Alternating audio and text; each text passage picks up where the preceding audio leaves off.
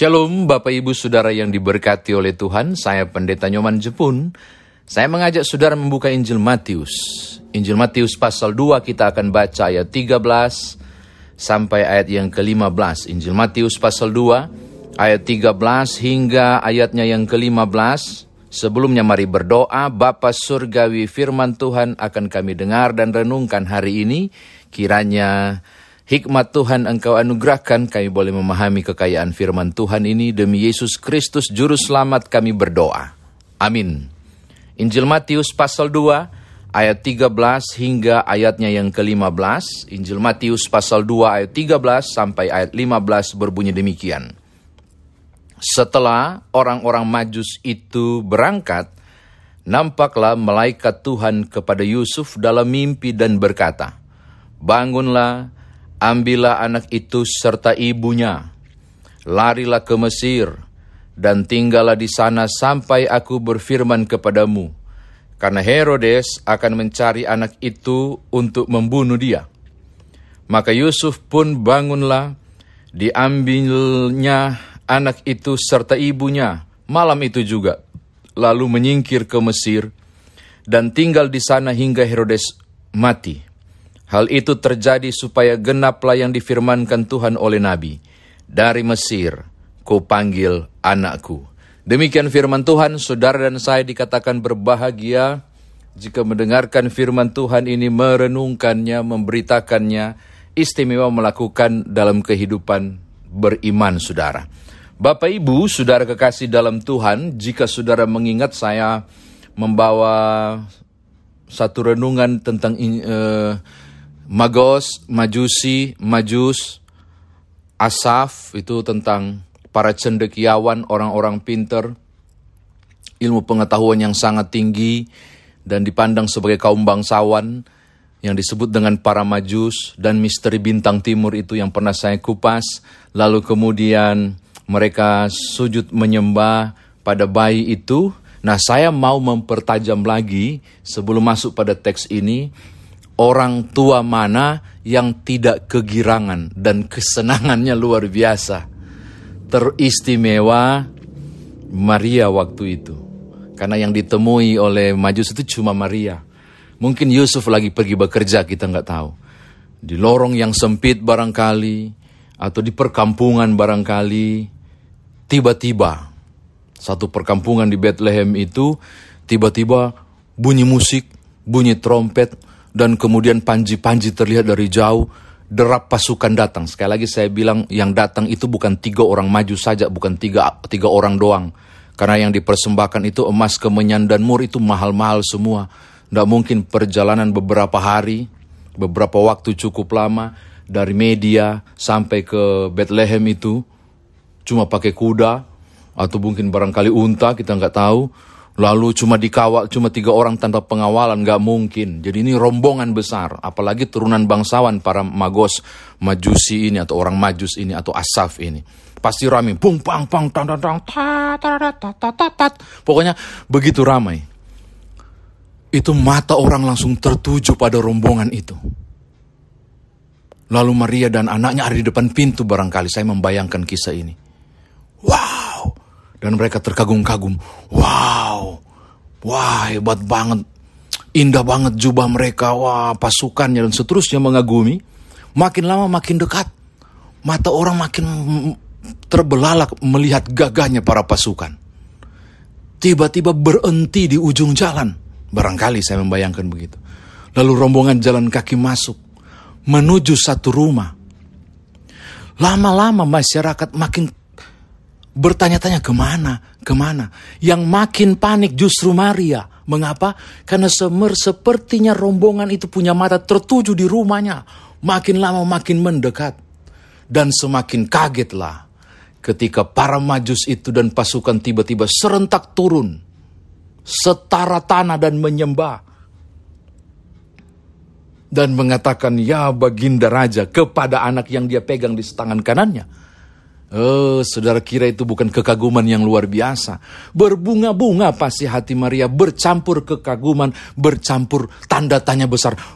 Ada apa ini? Ada apa ini? Lalu tiba-tiba mereka mengangkat tangan mereka mengeluarkan emas, kemenyan, dan mur. Udahlah, hayalan ini selesai. Yang saya pikirkan adalah apa yang digosipkan dan diomongin para tetangga. Lalu, apa yang berkecamuk di hati Maria, yang saya yakin kegirangan, suatu kebanggaan, rasa takjub, Wow, euforianya luar biasa. Barangkali ketika Yusuf pulang dia sampaikan, Yusuf baru datang loh. Wah, megah banget. Para raja dari timur dan seterusnya itu, oh hal yang luar biasa. Malam hari, ya ini dia. Ketika sedang tidur Bapak Ibu Saudara. Tiba-tiba, Yusuf sedang tidur bermimpi. Dan mimpi yang menarik adalah mengatakan begini bangunlah, ambillah anak itu serta ibunya, larilah ke Mesir dan tinggallah di sana sampai aku berfirman kepadamu karena Herodes akan mencari anak itu untuk membunuh dia. Saudara lihat, be, dari kegirangan luar biasa, kisah gembira, kisah sukacita tiba-tiba pang! Dibalik ke 180 derajat. Tung! Berita mengerikan berita sadis, berita pembunuhan, anak ini terancam. Saya mau katakan kepada saudara, masuk ke teks ini, saudara harus membayangkan kepanikan yang tiba-tiba menutupi kegirangan mereka yang baru saja selesai dikunjungi para magos. Majus, majusi itu, Asaf. Uh. Dan saya tertarik begini, Yusuf tidak bertanya, what? How come? Tuhan engkau kan Almighty God, gagalkan rencana ini. Loh ini katanya anakmu. Katanya dikandung oleh roh kudus, lindungilah. Kuasamu kan ajaib. Atau apa pun. Kalau pakai logika berpikir modern kita ya. Tapi dasar ya, Yusuf ini taat Bapak Ibu. Saya sudah pernah menguraikan tentang Matius pasal 1 ayat 18 sampai 25 kan. Cuma lewat mimpi akhirnya dia kawini Maria yang dia tahu sudah hamil di luar nikah. Itu luar biasa loh. Ini ketaatan Yusuf. Apa reaksinya?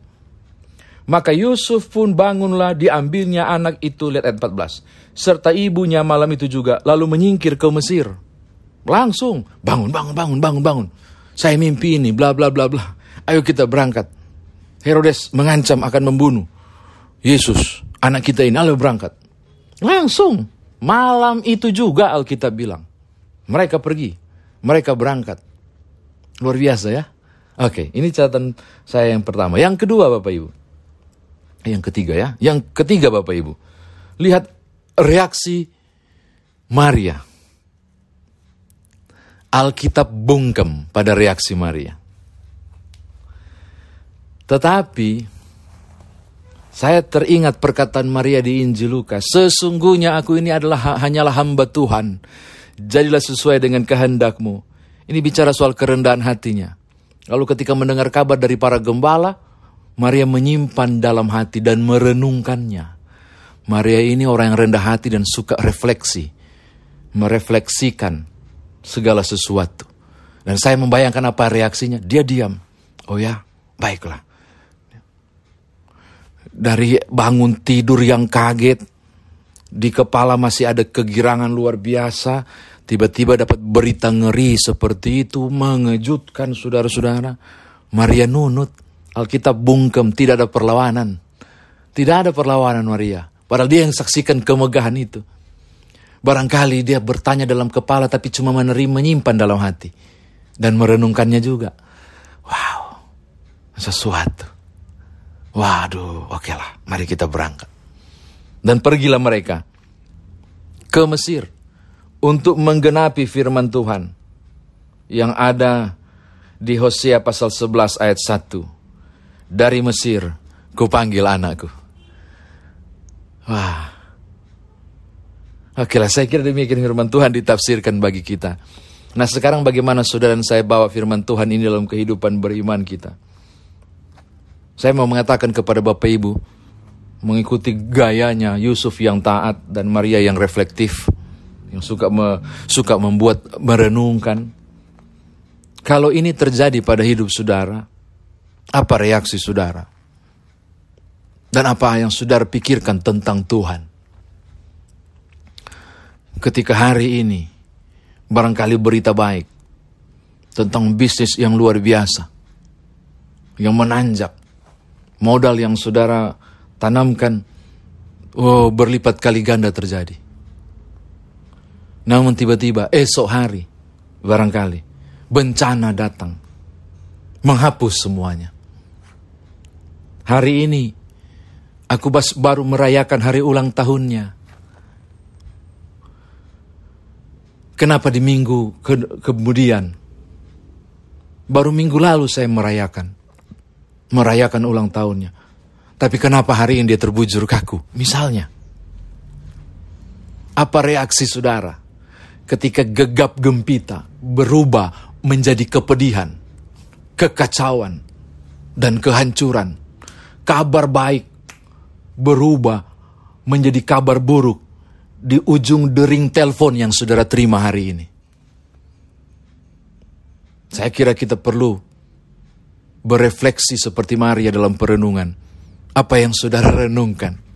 Apa kira-kira yang saudara katakan? Masih baik ke Tuhan di pandangan saudara?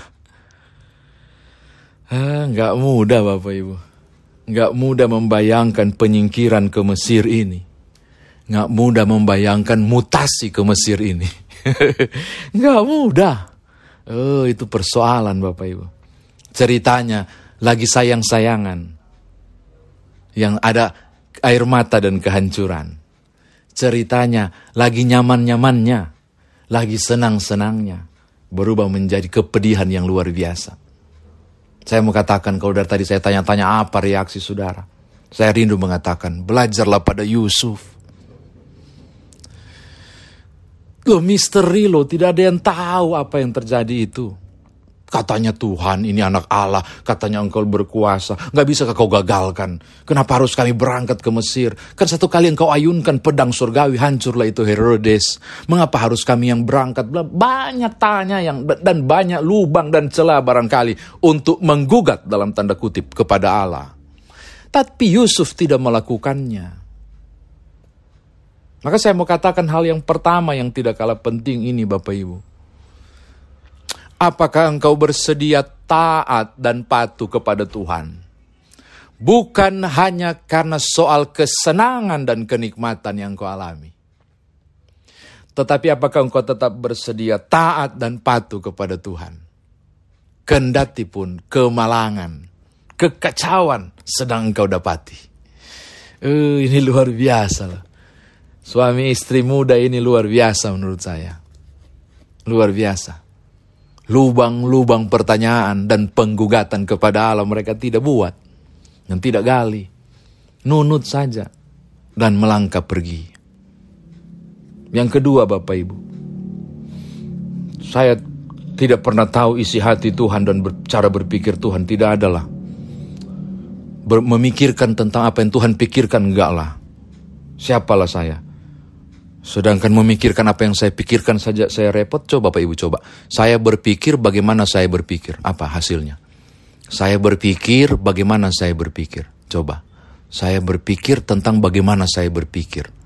Lama-lama gila kita. Masuk ke grogol, ke rumah sakit jiwa. Kenapa? Karena kita nggak bisa berpikir tentang apa yang kita pikir. Nah bagaimana kita mau berpikir tentang apa yang Tuhan pikirkan? Nggak ada. Apalagi suatu pertanyaan besar, kok Tuhan tidak ayunkan pedangnya menghancurkan Herodes saja, ngapain harus berangkat ke Mesir? Saya mau katakan hal yang kedua, bahwa tidak ada seorang pun dapat menyelami pikiran Allah. Rencana-rencananya yang luar biasa dan agung.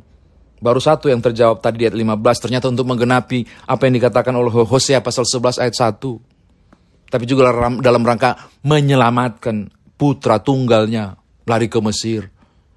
Dan kita mendapatkan hal yang luar biasa dalam rangka menyelamatkan putra tunggalnya. Tuhan tidak turun tangan langsung ternyata. Gak mengayunkan pedang ternyata. Gak langsung bunuh Herodes ternyata. Tapi Tuhan menggunakan Maria dan Yusuf papanya, ibunya, orang tuanya. Untuk menjadi alatnya dalam rangka karya keselamatan yang masih dalam satu proses awal. Saya mau katakan kepada saudara, jika engkau mengharapkan menemukan jalan keluar dari Tuhan, jangan-jangan Tuhan sedang memakai engkau menjadi jalan keluar bagi orang lain. Oh, ini menarik loh. Ini menarik. Ini yang saya mau katakan hal penting. Bahwa tangan Tuhan bekerja dengan cara ajaib. Tidak ada seorang pun yang dapat memikirkan rencana dan pikiran Tuhan. Tapi hari ini kita dapat pelajaran khusus. Tuhan pakai Yusuf dan Maria untuk rencananya. Padahal Maria dan Yusuf lagi bingung apa yang terjadi. Kok bisa begini? Mana kuasanya yang ajaib? Oh enggak. Malah dialah, mereka berdua lah yang menjadi titipan kuasa Allah untuk menjaga anak ini. Sudah tangkap maksud saya? Oh ini penting. Ketika Yusuf dan Maria berpikir tentang kuasa Allah yang ajaib, Justru Tuhan sedang memakai mereka berdua menjadi kuasanya yang ajaib untuk menyelamatkan Yesus yang masih kecil itu. Jadi saya mau tutup, saya mau bilang begini. Tidak selamanya warna putih hidup Bapak Ibu. Ada waktu untuk menanam, ada waktu untuk mencabut yang ditanam. Ada waktu tertawa, ada waktu untuk menangis. Bapak pasal 3 bilang begitu. Tidak selamanya kegirangan. Kita juga harus bersiap pada kemalangan. Tidak selamanya tawar yang saudara akan dapatkan. Kita harus bersiap pula pada, pada derai air mata. Pada gegap gempita yang luar biasa. Engkau dan aku pun harus bersiap pada kepedihan dan kehancuran. Kisah penyingkiran ke Mesir adalah seperti itu. Dan jangan pernah pertanyakan Tuhan. Nunut saja seperti Yusuf. Dan renungkan maknanya seperti Maria. Tuhan memberkati saudara. Selamat menyiapkan diri. Memasuki tahun anugerah yang penuh misteri ke depan. Yang juga kita tidak tahu ada apa. Riangkah atau sedihkah. Tapi di dalamnya kita percaya. Ada rencana Tuhan. Walaupun tidak terselami. Dan tidak dimengerti. Dia tetap Tuhan yang agung. Menggiring saudara pada target mulianya. Tuhan berkati Bapak Ibu. Haleluya. Amin.